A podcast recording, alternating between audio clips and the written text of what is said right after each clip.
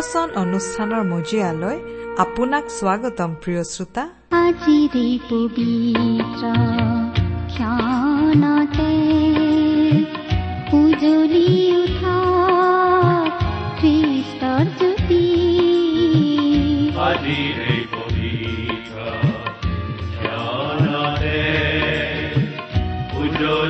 উঠা প্ৰিয় শ্ৰোতা ভক্তিবচন অনুষ্ঠানত আপোনাক পুনৰ লগ পাই আমি নথৈ আনন্দিত। আশা কৰো এই অনুষ্ঠানত প্ৰচাৰ হোৱা বাক্যসমূহে আপোনাৰ ব্যক্তিগত জীৱনত অলপ হলেও সহায় কৰিছে। ঈশ্বৰ এগৰাকী সৰ্বশক্তিশালী ব্যক্তি। তেওঁ পৃথিৱী আকাশমণ্ডল আৰু সৌৰজগতৰ সকলোকে নিজৰ ইচ্ছাৰে আৰু পৰাক্ৰমেৰে শৃংখলাবদ্ধভাৱে স্থিৰ কৰি থৈছে। তেওঁ প্ৰতিটো বিষয়কে একো একোটা নিয়মৰ অৰ্থাৎ নিজ নিজ সীমাৰ অন্তৰ্ভুক্ত কৰি ৰাখিছে। সেইকাৰণে সকলোবোৰ সুন্দৰকৈ চলি আছে। সেইবোৰৰ এটা বিষয়েও যদি নিজ নিয়মক চেৰাই যাবলৈ ধৰে তেন্তে সকলোবোৰ খেলি মেলি অৰ্থাৎ ধ্বংস হ'ব। আমাৰ জীৱনবোৰো তেনেকুৱা। আপোনাৰ মোৰ জীৱনটোকো ঈশ্বৰে বৰ সুন্দৰকৈ শৃংখলাবদ্ধভাৱে মংগলৰ আঁচনিৰে সজাই ৰাখিছে। ঈশ্বৰৰ পৰাক্ৰমী সুৰক্ষাৰ তলত আপোনাৰ জীৱন সদায় সুৰক্ষিত। তেওঁত আশ্ৰয় ললে আপুনি জীৱনৰ প্ৰকৃত আনন্দ বিচাৰি পাব। তেওঁৰ বাক্যই আপোনাক তেওঁৰ বিষয়ে আৰু অধিককৈ জানিবলৈ সহায় কৰাৰ আশাৰে এয়া আপোনালৈ আগবঢ়াইছো। ভক্তিবচন। মনেৰে তুমি ভাবিছানে? কোনো নাই কুতুমৰ কতো নাই জগতৰ যিচুৰ বাদে কোনো নাই। মনেৰে তুমি ভাবিছানে? কোনো নাই কুতুমৰ কতো নাই জগতৰ যিচুৰ বাদে কোনো নাই।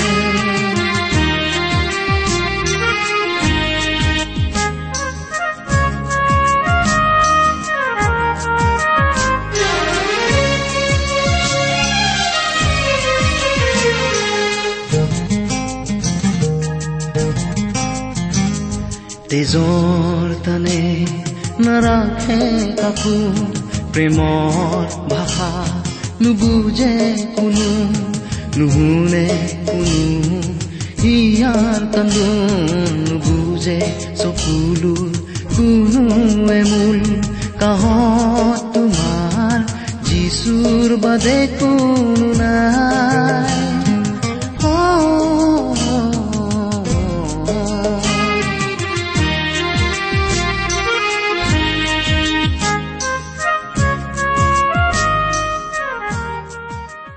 আমাৰ পৰম পবিত্ৰ প্ৰভু যীশুখ্ৰীষ্টৰ নামত নমস্কাৰ প্ৰিয় শ্ৰোতা। আশা কৰো মহান পিতা পৰমেশ্বৰৰ মহান অনুগ্ৰহত আপুনি ভালে কুশলে আছে। লগতে এই বুলিও আশা কৰিছো যে আপুনি আমাৰ এই ভক্তিবচন অনুষ্ঠানটো নিয়মিতভাৱে শুনি আছে। প্ৰিয় শ্ৰোতা এই অনুষ্ঠান শুনি আপুনি কেনে পাইছে আমালৈ চিঠি লিখি জনাবচোন। আপোনালোকৰ পৰা চিঠি পত্ৰ পাবলৈ আমি আগ্ৰহেৰে বাট চাওঁ। আহকচোন আজিৰ বাইবেল অধ্যয়ন আৰম্ভ কৰাৰ আগতে খন্তেক প্ৰাৰ্থনাত মূৰ দুৱাওঁ। স্বৰ্গত থকা অসীম দয়ালু পিতৃ ঈশ্বৰ তোমাৰ মহান নামৰ ধন্যবাদ কৰো। তুমি মহান তুমি কৰুণাময় তুমি অনুগ্ৰহৰ আকৰ। তোমাৰ অনুগ্ৰহতেই আজি আমি প্ৰভু যীশুত বিশ্বাস কৰি পৰিত্ৰাণ পাব পৰা হৈছো তোমাক পিতৃ বুলি মাতিব পৰা হৈছো। তুমি আমালৈ যিমান অনুগ্ৰহ দেখুৱাইছা তাৰ বাবে তোমাক ধন্যবাদ দি আমি শেষ কৰিব নোৱাৰো। এতিয়া প্ৰাৰ্থনা কৰিছো তোমাৰ মহান বাক্য বাইবেল শাস্ত্ৰৰ যোগেৰে তুমি আমাক কথা কোৱা। তোমাৰ মাত আমাক শুনিবলৈ দিয়া। কিয়নো এই প্ৰাৰ্থনা আমাৰ মহান ত্ৰাণকৰ্তা প্ৰভু যীশুখ্ৰীষ্টৰ নামত আগবঢ়াইছো।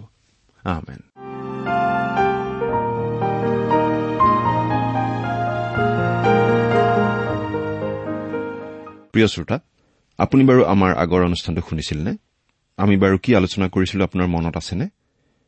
আপুনি যদিহে আমাৰ এই অনুষ্ঠানটো নিয়মিতভাৱে শুনিছে তেনেহলে আপুনি জানে যে আমি এতিয়া বাইবেলৰ পুৰণি নিয়ম খণ্ডৰ জিৰিমীয়া ভাৱবাদীৰ পুস্তকখন অধ্যয়ন কৰি আছো নহয় জানো? যোৱা অনুষ্ঠানত আমি এই পুস্তকৰ বাইশ নম্বৰ অধ্যায়লৈকে আলোচনা আগবঢ়াইছিলো। গতিকে আজি আমি তেইছ নম্বৰ অধ্যায়ৰ এক নম্বৰ পদৰ পৰা আলোচনা আগবঢ়াব খুজিছো। আপুনি আপোনাৰ বাইবেলখন মেলি লৈছেনে বাৰু? এই জিৰিমীয়া ভাৱবাদীৰ পুস্তকখন ভাৱবাণীমূলক পুস্তক।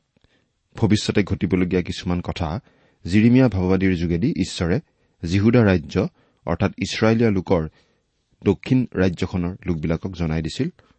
আমি ইতিমধ্যেই উল্লেখ কৰি আহিছো যে ইতিমধ্যে উত্তৰৰ ৰাজ্য অৰ্থাৎ ইছৰাইলৰ লোকসকলক শত্ৰুৱে পৰাস্ত কৰি বন্দী কৰি নিছিল আৰু তেওঁলোকে ঈশ্বৰৰ প্ৰতি অবাধ্য আচৰণ কৰি থকাৰ কাৰণেই তেওঁলোকক ঈশ্বৰে তেনেদৰে শাস্তি দিছিল।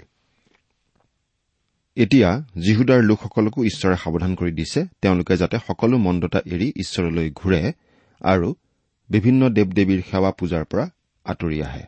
নহলে তেওঁলোকৰো একেই অৱস্থা হ'ব। তেওঁলোকক বাবিলনীয়াসকলে পৰাস্ত কৰি বন্দী কৰি লৈ যাব। অৱশ্যে তেওঁলোকক ঈশ্বৰে পাছত আকৌ নিজৰ দেশলৈ উভতাই আনিব বুলিও কৈছে। এই আটাইবোৰ কথা জিৰিমিয়াৰ যোগেদি ঈশ্বৰে তেওঁলোকক জনাই দিয়া আমি এই পুস্তকখনত পাওঁ। এতিয়া আমি জিৰিমিয়া তেইছ আৰু চৌব্বিছ নম্বৰ অধ্যায়ত পাওঁ অন্ধকাৰ দিনত এজাক উজ্জ্বল পোহৰ আৰু দুপাচি ডিমৰু ফলৰ বিষয়ে। তেইছ নম্বৰ অধ্যায়ত জাতিটোৰ পূব আকাশত পোহৰ জাক উদয় হোৱাৰ পূৰ্বে জাতিটোৰ ৰখীয়া বা পালক বা পালনকাৰীসকলক প্ৰথমতে সতৰ্ক কৰি দিয়া হৈছে যদি তেওঁলোকৰ যোগ্য লালন পালনৰ অভাৱতেই জাতিটোৰ লোকসকল নষ্ট পায় বা ছিন্ন ভিন্ন হয়। ইয়াত ৰখীয়া বা পালকসকলক বুলি কৈ গীৰ্জাৰ পালক বা পুৰোহিতসকলক বুজোৱা নাই। কিন্তু ৰজা আৰু ৰাজনীতিজ্ঞ আদি কৰি যিসকলে জাতিটোক শাসন কৰিছিল তেওঁলোককহে বুজোৱা হৈছে। আৰু বাস্তৱিকতেই শাসকসকলে জাতিটোক বিপথে পৰিচালিত কৰি নষ্ট কৰিছিল আৰু সেয়েহে ঈশ্বৰে সেই শাসকসকলৰ ওপৰত সুধবিচাৰ কৰিছিল। তেইছ নম্বৰ অধ্যায়ৰ এক আৰু দুই পদত আমি এইখিনি কথা পাওঁ।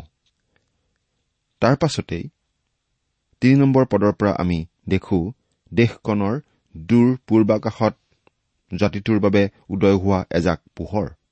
আন কথাত দুৰাচাৰী শাসকসকলৰ পৰা জাতিটোৰ পৰিচালনাৰ ভাৰ যেতিয়া ঈশ্বৰে নিজৰ হাতত তুলি ল'ব তেতিয়া তেওঁ দুখী দৰিদ্ৰবিলাকৰ ন্যায় বিচাৰ কৰি তেওঁলোকৰ দুৰৱস্থাৰ পৰা তেওঁলোকক তেওঁ উদ্ধাৰ কৰিব। ইয়াৰে বাৰু কোনখিনি সময়লৈ আঙুলিওৱা হৈছে জানেনে প্ৰিয় শ্ৰোতা? ইয়াৰ দ্বাৰা সেই কালৰ কথা কোৱা হৈছে যেতিয়া পাৰ্থিৱ যুগৰ শেষ হ'ব আৰু মণ্ডলীও চকুৰ প্ৰচাৰতে আকাশলৈ উত্তোলিত হ'ব তেতিয়া ঈশ্বৰৰ এই মনোনীত জাতি যিহুদীসকল নিজ ভূমিলৈ প্ৰকৃত অৰ্থত প্ৰত্যাৱৰ্তন কৰিব আৰু তেতিয়া সেইগৰাকী প্ৰভু যীশুৱে তেওঁলোকৰ বাবে বৰ বিশ্বাসী ৰখীয়া বা পালনকাৰীসকলক নিযুক্ত কৰিব যিগৰাকী প্ৰভু যীশুক তেওঁলোকে অতীতৰ এটা সময়ত প্ৰত্যাখ্যান কৰিছিল। সেই বিশ্বাসী শাসকসকলৰ শাসন এতিয়াতকৈ সম্পূৰ্ণৰূপে সুকীয়া শাসন হ'ব। মৰিয়মৰ বংশৰ মাজেৰে অহা শান্তিৰ ৰজাৰ দ্বাৰাই জাতিটোৰ মাজত শান্তি স্থাপিত হ'ব। তেওঁ প্ৰভুৰো প্ৰভু আৰু ৰজাৰো ৰজা। জিহুৱাকিন বা জিকনিয়া বা কনিয়াৰ বংশৰ ৰাজত্বৰ কোনো নাম গোন্ধ নাথাকিব। শান্তিৰাজ প্ৰভু যীশুৱে সম্পূৰ্ণ শান্তিৰে ৰাজত্ব কৰিবলৈ সেইদিনা শাসন ভাৰ নিজৰ হাতত তুলি ল'ব। তেওঁ ধাৰ্মিকতাৰ ৰজা আৰু সেয়ে তেওঁৰ শাসনৰ ৰাজ্যত সম্পূৰ্ণ ধাৰ্মিকতাই বিৰাজ কৰিব। সেইদিনা জাতিটোৰ এনে মুক্তি হ'ব যি মুক্তিৰ তুলনাত তেওঁলোকে মিছৰৰ পৰা পোৱা মুক্তি ম্লান পৰি যাব।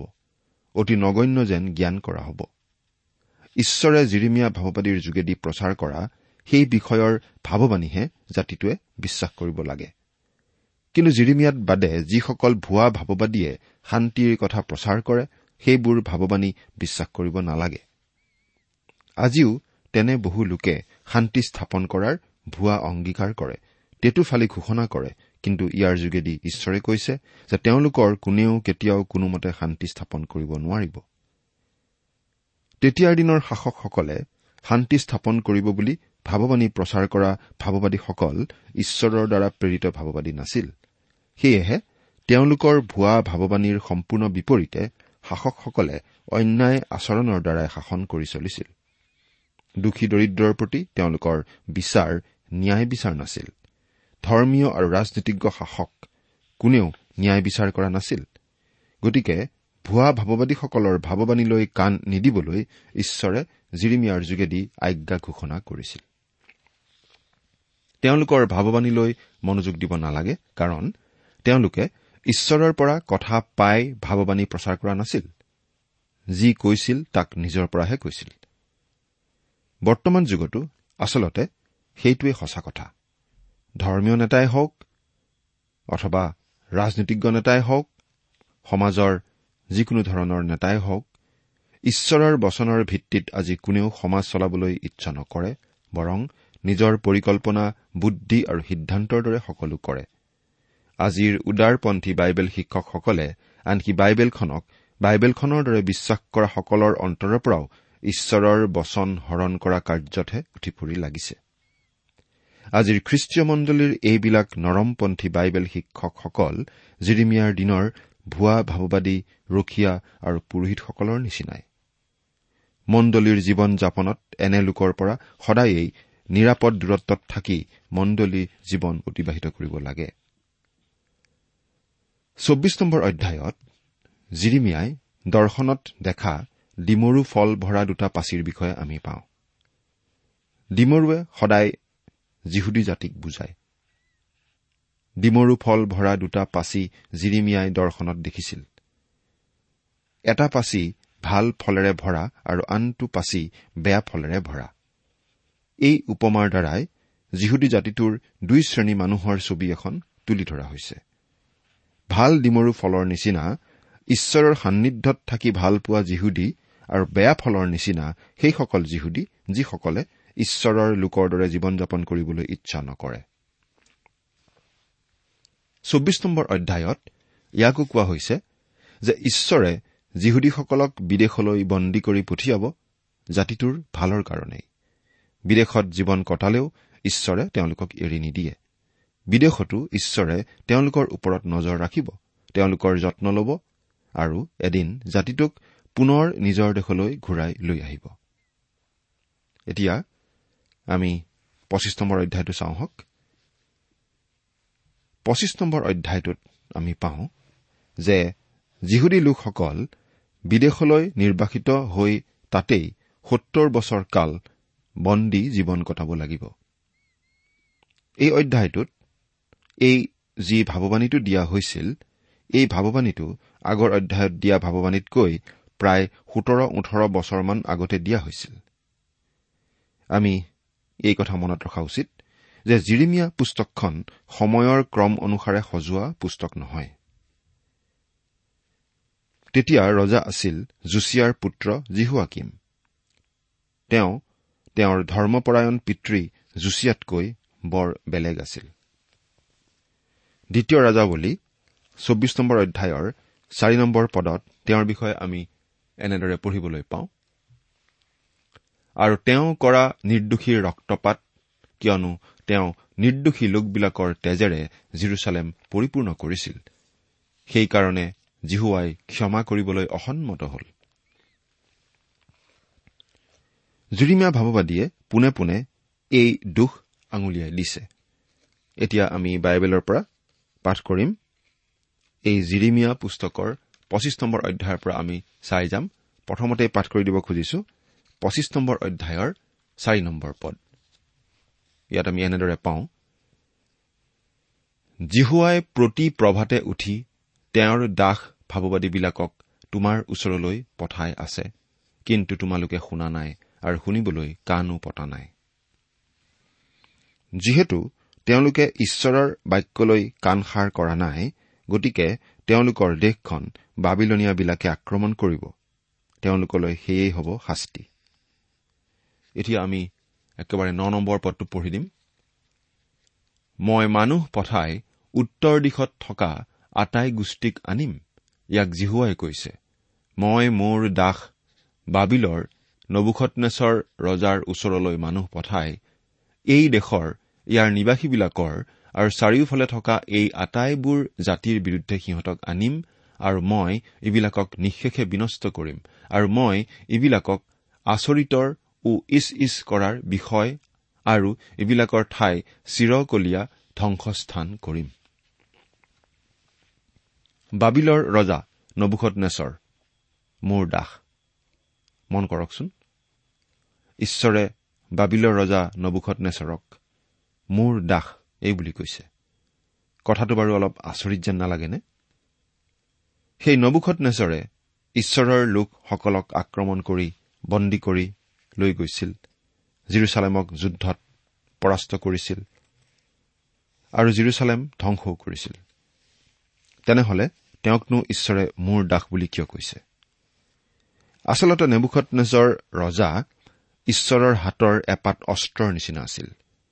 যিহুদী লোকসকলক শাস্তি দিবৰ কাৰণে ঈশ্বৰে সেই অস্ত্ৰপাত ব্যৱহাৰ কৰিছিল। মানুহে নিজৰ দাস বা চাকৰক কামত লগোৱাৰ নিচিনাকৈ ঈশ্বৰে নবুখতনেশ্বৰক কামত লগাইছিল আৰু সেইবাবেই নবুখতনেশ্বৰ ৰজা ঈশ্বৰৰ দাসস্বৰূপ। নবুখতনেশ্বৰ ৰজাৰ যোগেদিয়েই যীহুদালৈ ঈশ্বৰৰ অভিশাপ নামি আহিছিল। বহুতো লোকে আজি আচৰিত হয় এই কথা ভাবি যে ইছৰাইল দেশখন আজি দুগ্ধ মধুৰ দেশ কিয় নহয়?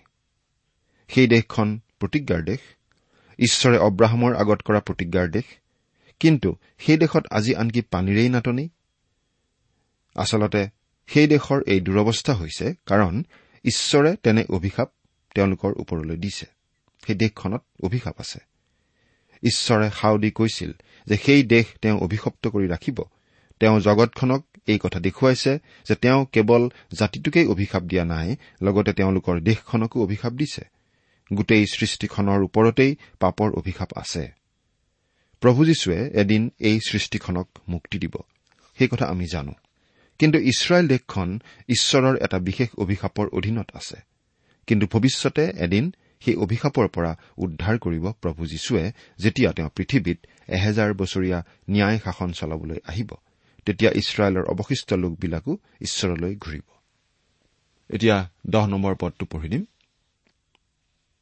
ইয়াৰ বাহিৰে মই ইবিলাকৰ পৰা উল্লাসৰ ধ্বনি আনন্দৰ ধ্বনি দৰা কন্যাৰ ধ্বনি জাতৰ শব্দ আৰু চাকিৰ পোহৰ নাইকিয়া কৰিম। এতিয়া আমি ঈশ্বৰে তেওঁলোকক জনাই থকা আহিবলগীয়া অভিশাপৰ কথা পাই আছো। তেওঁলোকৰ সকলো আমোদ প্ৰমোদ ৰং ৰহস্য ঈশ্বৰে কাঢ়ি নিব বুলি কৈছে। তেওঁলোকৰ মাজত বিয়া বাৰু বন্ধ হৈ যাব জাত পিহা শব্দ নোহোৱা হ'ব ঘৰে ঘৰে অভাৱ অনাটন হ'ব বেপাৰ বাণিজ্য বন্ধ হৈ যাব আনকি ঘৰত সন্ধিয়া বন্তিও নজ্বলিব তেওঁলোকৰ অতিশয় দুখ হ'ব। এঘাৰ নম্বৰ পদ। তাতে এই গোটেই দেশ ধ্বংস আৰু আচৰিতৰ ঠাই হ'ব। আৰু এই জাতিবিলাকে সত্তৰ বছৰলৈকে বাবিলৰ ৰজাৰ বন্দী কাম কৰিব। যেতিয়া ঈশ্বৰে ইছৰাইলৰ লোকবিলাকক ব্যৱহাৰ কৰে যেতিয়া ঈশ্বৰে ইছৰাইল জাতিৰ সৈতে ব্যৱহাৰ কৰে তেওঁ এটা বিশেষ সময়সূচীমতে কাম কৰে। এখন বিশেষ কেলেণ্ডাৰ মতে তেওঁ কাম কৰে। তেওঁলোকৰ ইতিহাসৰ বিশেষ সময়বোৰ তেওঁ ঘোষণা কৰে। কিন্তু খ্ৰীষ্টীয় মণ্ডলীৰ ক্ষেত্ৰত ঈশ্বৰে সময়টো দি নিদিয়ে। সেইকাৰণেই আজি আমি কোনেও ক'ব নোৱাৰো প্ৰভু যীশু আকৌ কেতিয়া আহিব? তেওঁ কেতিয়া আহিব তাৰ দিন তাৰিখ আমাক জনাই দিয়া হোৱা নাই। আমি কেৱল প্ৰভু যীশু সোনকালে আহক বুলি আশা কৰিব পাৰো। আৰু তেওঁ আহিব বুলি আমি জানো কিন্তু তেওঁ কেতিয়া আহিব আমি কোনেও নাজানো। ইয়াত আমি সত্তৰ বছৰীয়া কালৰ কথা পাইছো। এই সত্তৰ বছৰীয়া কালটো অতি গুৰুত্বপূৰ্ণ। যেতিয়া ইছৰাইলীয় লোকবিলাকক মিছৰ দেশৰ পৰা উলিয়াই আনি ঈশ্বৰে তেওঁলোকক সেই প্ৰতিজ্ঞাৰ দেশত স্থাপন কৰিছিল তেতিয়া তেওঁ কিছুমান বিধি বিধান দিছিল। তাৰে এটা বিধান আছিল এই যে সপ্তম বছৰটো বিশ্ৰাম বছৰ। সেই বিশ্ৰাম বছৰত তেওঁলোকে পথাৰক জিৰণি দিব লাগিব অৰ্থাৎ একো খেতি বাতি কৰিব নোৱাৰিব। এই বিষয়ে আমি লেবিয়া পঁচিছ নম্বৰ অধ্যায়ত পঢ়িবলৈ পাওঁ। যদি তেওঁলোকে সেই বিধি বিধান মানি চলে তেতিয়া তেওঁলোকে আশীৰ্বাদ পাব কিন্তু সেই বিধি বিধান মানি নচলিলে অভিশাপ পাব বুলি জনাই দিছিল। আচলতে তেওঁলোকে যে অবাধ্য আচৰণ কৰিব সেইটো ঈশ্বৰে আগতেই জানিছিল কাৰণ তেওঁ সৰবজান আৰু সেইবাবেই তেওঁ এই বুলি কৈছিল লেবিয়া পুস্তকৰ ছাব্বিছ নম্বৰ অধ্যায়ৰ চৌত্ৰিছ আৰু পঁয়ত্ৰিশ পদত আমি পাওঁ। পাঠ কৰি দিছো। আৰু পঁয়ত্ৰিশ পদ। যেতিয়ালৈকে দেশ উচ্ছন্ন হৈ থাকিব। আৰু তোমালোক শত্ৰুবোৰৰ দেশত থাকিবা তেতিয়ালৈকে দেশে নিজৰ বিশ্ৰাম বছৰবোৰ ভোগ কৰিব। সেই কালত দেশে বিশ্ৰাম পাই নিজৰ বিশ্ৰাম বছৰবোৰ ভোগ কৰিব। যিমান কাল সেয়ে উচ্ছন্ন হৈ থাকিব সিমান কাল বিশ্ৰাম কৰিব। তোমালোকে দেশত বাস কৰা কালত তোমালোকৰ বিশ্ৰাম বছৰবোৰত যি বিশ্ৰাম ভোগ কৰা নাই দেশে তাক ভোগ কৰিব। প্ৰায় চাৰিশ নব্বৈ বছৰ ধৰি তেওঁলোকে বিশ্ৰাম বছৰ পালন কৰা নাছিল। অৰ্থাৎ সত্তৰটা বিশ্ৰাম বছৰ তেওঁলোকে পালন কৰা নাছিল। গতিকে ঈশ্বৰে এতিয়া জিৰিমিয়াৰ যোগেদি কৈছে যে তেওঁলোকে সত্তৰ বছৰ বিদেশত কটাব লাগিব যাতে তেওঁলোকৰ দেশখনে সত্তৰটা বছৰ পাবলগীয়া সেই বিশ্ৰাম পায়। সেই হেৰুৱা সত্তৰটা বিশ্ৰাম বছৰৰ এনেদৰে ক্ষতিপূৰণ কৰা হ'ব তাৰ পাছতহে অৰ্থাৎ সত্তৰ বছৰ অতিবাহিত হোৱাৰ পাছতহে তেওঁলোকক আকৌ নিজৰ দেশলৈ উভতি আহিবলৈ সুবিধা দিয়া হ'ব। এৰা ঈশ্বৰৰ বিচাৰ ন্যায়সংগত ঈশ্বৰক কোনেও ঠগিব নোৱাৰে। এতিয়া আমি পঁচিছ নম্বৰ অধ্যায়ৰ বাৰ নম্বৰ পদটো পঢ়ি দিম। জিহুৱাই আৰু কৈছে সেই সত্তৰ বছৰ পূৰ হলে মই বাবিলৰ ৰজাক আৰু সেই জাতিক আৰু কলদিয়াবিলাকৰ দেশক সিহঁতৰ অপৰাধৰ নিমিত্তে দণ্ড দিম আৰু মই তাক চিৰকালৰ নিমিত্তে ধ্বংসস্থান কৰিম। জিৰিমিয়াৰ দিনত এইটো আছিল এটা ভাৱবাণী ভৱিষ্যৎবাণী কিন্তু এতিয়া এইটো ইতিহাস কাৰণ সেই ভৱিষ্যৎবাণী ফলিয়াইছিল আখৰে আখৰে। সেই ভাৱবাণী দিয়াৰ সময়ত নবুখত নেচৰে ইতিমধ্যেই জিহুৱাখিন আৰু তেওঁৰ মন্ত্ৰী সৈন্যবাহিনী আৰু আগশাৰীৰ লোকসকলক বাবিল দেশলৈ নিৰ্বাসিত কৰিছিল। জিহুদাত চিডিকিয়া নামমাত্ৰ ৰজা হৈ আছিল আৰু তেওঁলোকে বাবিলনক নানা ধৰণৰ কৰ কাটল দি থাকিব লাগিছিল। জুচিয়াৰ পাছৰ সকলোকেইজন ৰজা অধাৰ্মিক আৰু মন্দ ৰজা আছিল। জিৰিমিয়াই শেষ অভিশাপটোৰ কথা ঘোষণা কৰিছে যে নবুখত নেচৰ ৰজা আহি জিৰচালেম একেবাৰে ধ্বংস কৰিব আৰু মাত্ৰ কিছুমান লোকৰ বাহিৰে বাকী সকলোকে বন্দী কৰি বাবিললৈ লৈ যাব। সেই বন্দীত্বৰ কাল হ'ব সত্তৰ বছৰ। অৱশ্যে ভাৱবাণী তাতেই শেষ হোৱা নাই। এতিয়া তেওঁ ঈশ্বৰৰ ক্ৰোধৰ পিয়লাৰ এটা উপমা দিছে। এই ক্ৰোধৰ পিয়লাৰ কথা আন আন ভাৱবাদী কিছুমানেও ব্যৱহাৰ কৰিছে। ঈশ্বৰৰ বিৰুদ্ধাচৰণ কৰি থকা মানুহৰ পাপ বুজাবৰ বাবেই এই উপমা ব্যৱহাৰ কৰা হৈছে। এতিয়া আমি পোন্ধৰ নম্বৰ পদৰ পৰা একেবাৰে সোতৰ নম্বৰ পদলৈকে পাঠ কৰি দিম। কিয়নো ইছৰাইলৰ ঈশ্বৰ জিহুৱাই মোক এইদৰে কৈছে তুমি মোৰ ক্ৰোধ ৰূপ এই দ্ৰাক্ষাৰসৰ পাণপাত্ৰ মোৰ হাতৰ পৰা লোৱা আৰু যি যি জাতিৰ ওচৰলৈ মই তোমাক পঠাওঁ তুমি গৈ সেই সেই জাতিক ইয়াক পাণ কৰোৱা। সিহঁতে পাণ কৰি থলং পলং কৰিব আৰু মই সিহঁতৰ মাজলৈ যি তৰোৱাল পঠাম তাৰ কাৰণে সিহঁত পগলা যেন হ'ব। তেতিয়া মই জিহুৱাৰ হাতৰ পৰা সেই পাণপাত্ৰ লৈ জিহুৱাই যিবোৰ জাতিৰ ওচৰলৈ মোক পঠালে সিহঁতক পাণ কৰালো। এতিয়া তেওঁ জাতিসমূহৰ তালিকা দি দিছে। ওঠৰ নম্বৰ পদ অৰ্থাৎ আজিৰ নিচিনাকৈ সিহঁতক ধ্বংসস্থান আচৰিত ইছ ইছ আৰু সাওৰ বিষয় কৰিবলৈ জিৰচালেমক জিহুদাৰ নগৰবোৰক তাৰ ৰজাবিলাকক আৰু তাৰ প্ৰধান লোকবিলাকক পাণ কৰালো। প্ৰথমতে অৱশ্যে জিৰচালেম জিহুদাৰ নগৰবোৰ ৰজা ৰাজকোঁৱৰ আৰু পুৰোহিতসকলৰ কথা উল্লেখ কৰা হৈছে। যদিও এইটো ইছৰাইলৰ পাপৰ সন্দৰ্ভত কোৱা হৈছে ই কেৱল ঈশ্বৰৰ লোকসমূহৰ মাজতেই সীমাবদ্ধ নহয় গোটেই জগতৰ জাতিবোৰেই আচলতে দোষী। দ্ৰাক্ষাৰসৰ পিয়লা এটা পূৰ হোৱাৰ নিচিনাকৈ ঈশ্বৰৰ ক্ৰোধো উপচি পৰে। ইছৰাইলৰ পাছত তেওঁ মিছৰৰ কথা উল্লেখ কৰিছে। আৰু মিছৰৰ ৰজা ফৰৌনক আৰু তেওঁৰ মন্ত্ৰীবিলাকক তেওঁৰ প্ৰধান লোকবিলাকক। তাৰ পাছত তেওঁ আন আন জাতিবোৰৰ কথা উল্লেখ কৰিছে। বিছৰ পৰা ছাব্বিছ নম্বৰ পদ। তেওঁৰ সকলো প্ৰজাক মিশ্ৰিত জাতিসমূহক উচ দেশৰ সকলো ৰজাক পলেষ্টিয়াবিলাকৰ আটাই ৰজাক বিশেষকৈ অস্কিলোন ঘছা ইক্ৰুন আৰু অছদুদৰ অৱশিষ্ট ভাগক ইডুম মোৱাব আৰু অম্মুনৰ সন্তানবিলাকক তুৰৰ সকলো ৰজাক চিডুনৰ সকলো ৰজাক সমুদ্ৰৰ সিপাৰে থকা দ্বীপৰ সকলো ৰজাক দদান টেমা বুজ আৰু কোমৰ গুৰিত দাড়ি চুলি কটা সকলোকে আৰবৰ সকলো ৰজাক অৰণ্য নিবাসী মিশ্ৰিত জাতিৰ সকলো ৰজাক জিমৰিৰ সকলো ৰজাক এলমৰ সকলো ৰজাক মাদিয়াবিলাকৰ সকলো ৰজাক প্ৰভেদ নৰখাকৈ উত্তৰ দেশৰ ওচৰত কি দূৰত থকা সকলো ৰজাক পৃথিৱীৰ ওপৰত থকা জগতৰ সকলো ৰাজ্যক পাণ কৰালো। আৰু চেচকৰ ৰজাই সিহঁতৰ পাছত পাণ কৰিব। সকলো জাতিয়েই আচলতে ঈশ্বৰৰ বিৰুদ্ধাচৰণ কৰি আছে। ঈশ্বৰৰ ক্ৰোধ যেতিয়া পূৰ্ণ হ'ব গোটেই পৃথিৱীলৈকে ঈশ্বৰৰ ক্ৰোধ প্ৰকাশিত হ'ব আৰু অভিশাপ নামি আহিব। আৰু তুমি সিহঁতক এই কথা কবা ইছৰাইলৰ ঈশ্বৰ বাহিনীবিলাকৰ জিহুৱাই এই কথা কৈছে। তোমালোকে পাণ কৰি মতলীয়া হৈ বটিওৱা আৰু তোমালোকৰ মাজলৈ মই যি তৰোৱাল পঠাম তাৰ কাৰণে পতিত হোৱা আৰু নুঠিবা। সেই পিয়লা তেওঁলোকক পাণ কৰোৱা হ'ব অৰ্থাৎ ঈশ্বৰৰ অভিশাপ পাব দণ্ড ভোগ কৰিব লাগিব। ইছৰাইলৰ লগতে আন আন জাতিবোৰেও শাস্তি পাব। তেওঁলোকৰ পাপ আচৰণৰ বাবেই সেই শাস্তি পাব লাগিব। মুঠতে পৃথিৱীৰ সকলো জাতিয়েই ঈশ্বৰৰ আগত দায়বদ্ধ। এতিয়া আমি বাকী পদকেইটা পঢ়ি গ'লে পাওঁ যে সেই দণ্ড কেৱল ইছৰাইলতেই সীমাবদ্ধ নাথাকিব।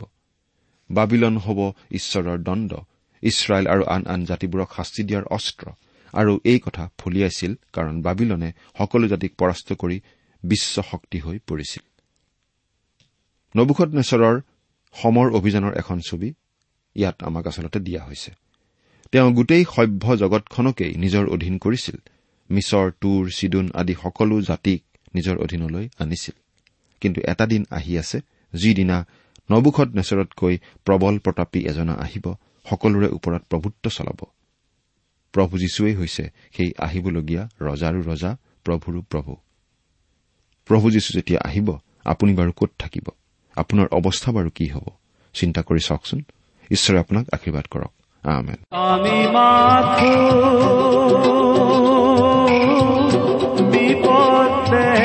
প্ৰিয় শ্ৰোতা ইমান পৰে আপুনি বাইবেল শাস্ত্ৰৰ পৰা ঈশ্বৰৰ বাক্য শুনিলে। এই বিষয়ে আপোনাৰ মতামত জানিবলৈ পালে আমি নথৈ আনন্দিত হ'ম। আমি প্ৰস্তুত কৰা বাইবেল অধ্যয়নৰ চিডিসমূহ পাব বিচাৰিলে আৰু অনুষ্ঠানত প্ৰচাৰ কৰা কোনো কথা বুজিব লগা থাকিলেও আমালৈ লিখক।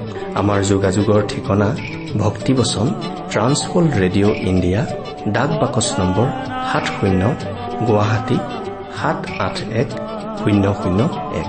ঠিকনাটো আকৌ এবাৰ কৈছো ভক্তিবচন ট্ৰান্সৱৰ্ল্ড ৰেডিঅ' ইণ্ডিয়া ডাক বাকচ নম্বৰ সাত শূন্য গুৱাহাটী সাত আঠ এক শূন্য শূন্য এক। আমাৰ ইমেইল এড্ৰেছটো হৈছে Assamese T TV at the rate radio' eight eight two dot com.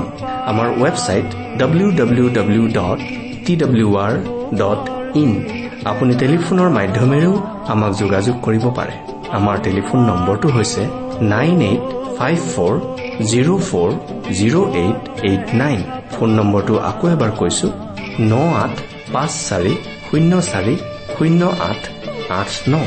আপুনি এই ভক্তিবচন অনুষ্ঠানটি আমাৰ website W W W dot radio' eight eight two dot কমতো শুনিব পাৰিব। আজিৰ অনুষ্ঠানটি ইমানতেই সামৰিছো। ঈশ্বৰৰ শান্তি আৰু অনুগ্ৰহ আপোনাৰ লগত থাকক। ধন্যবাদ।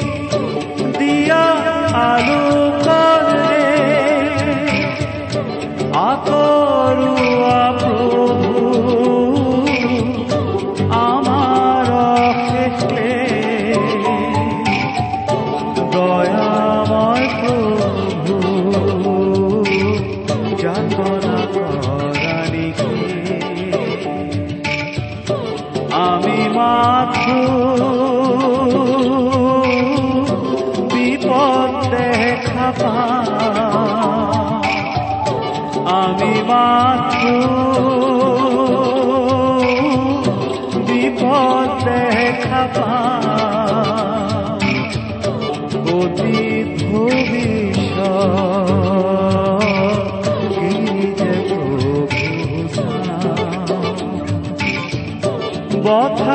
নাই যে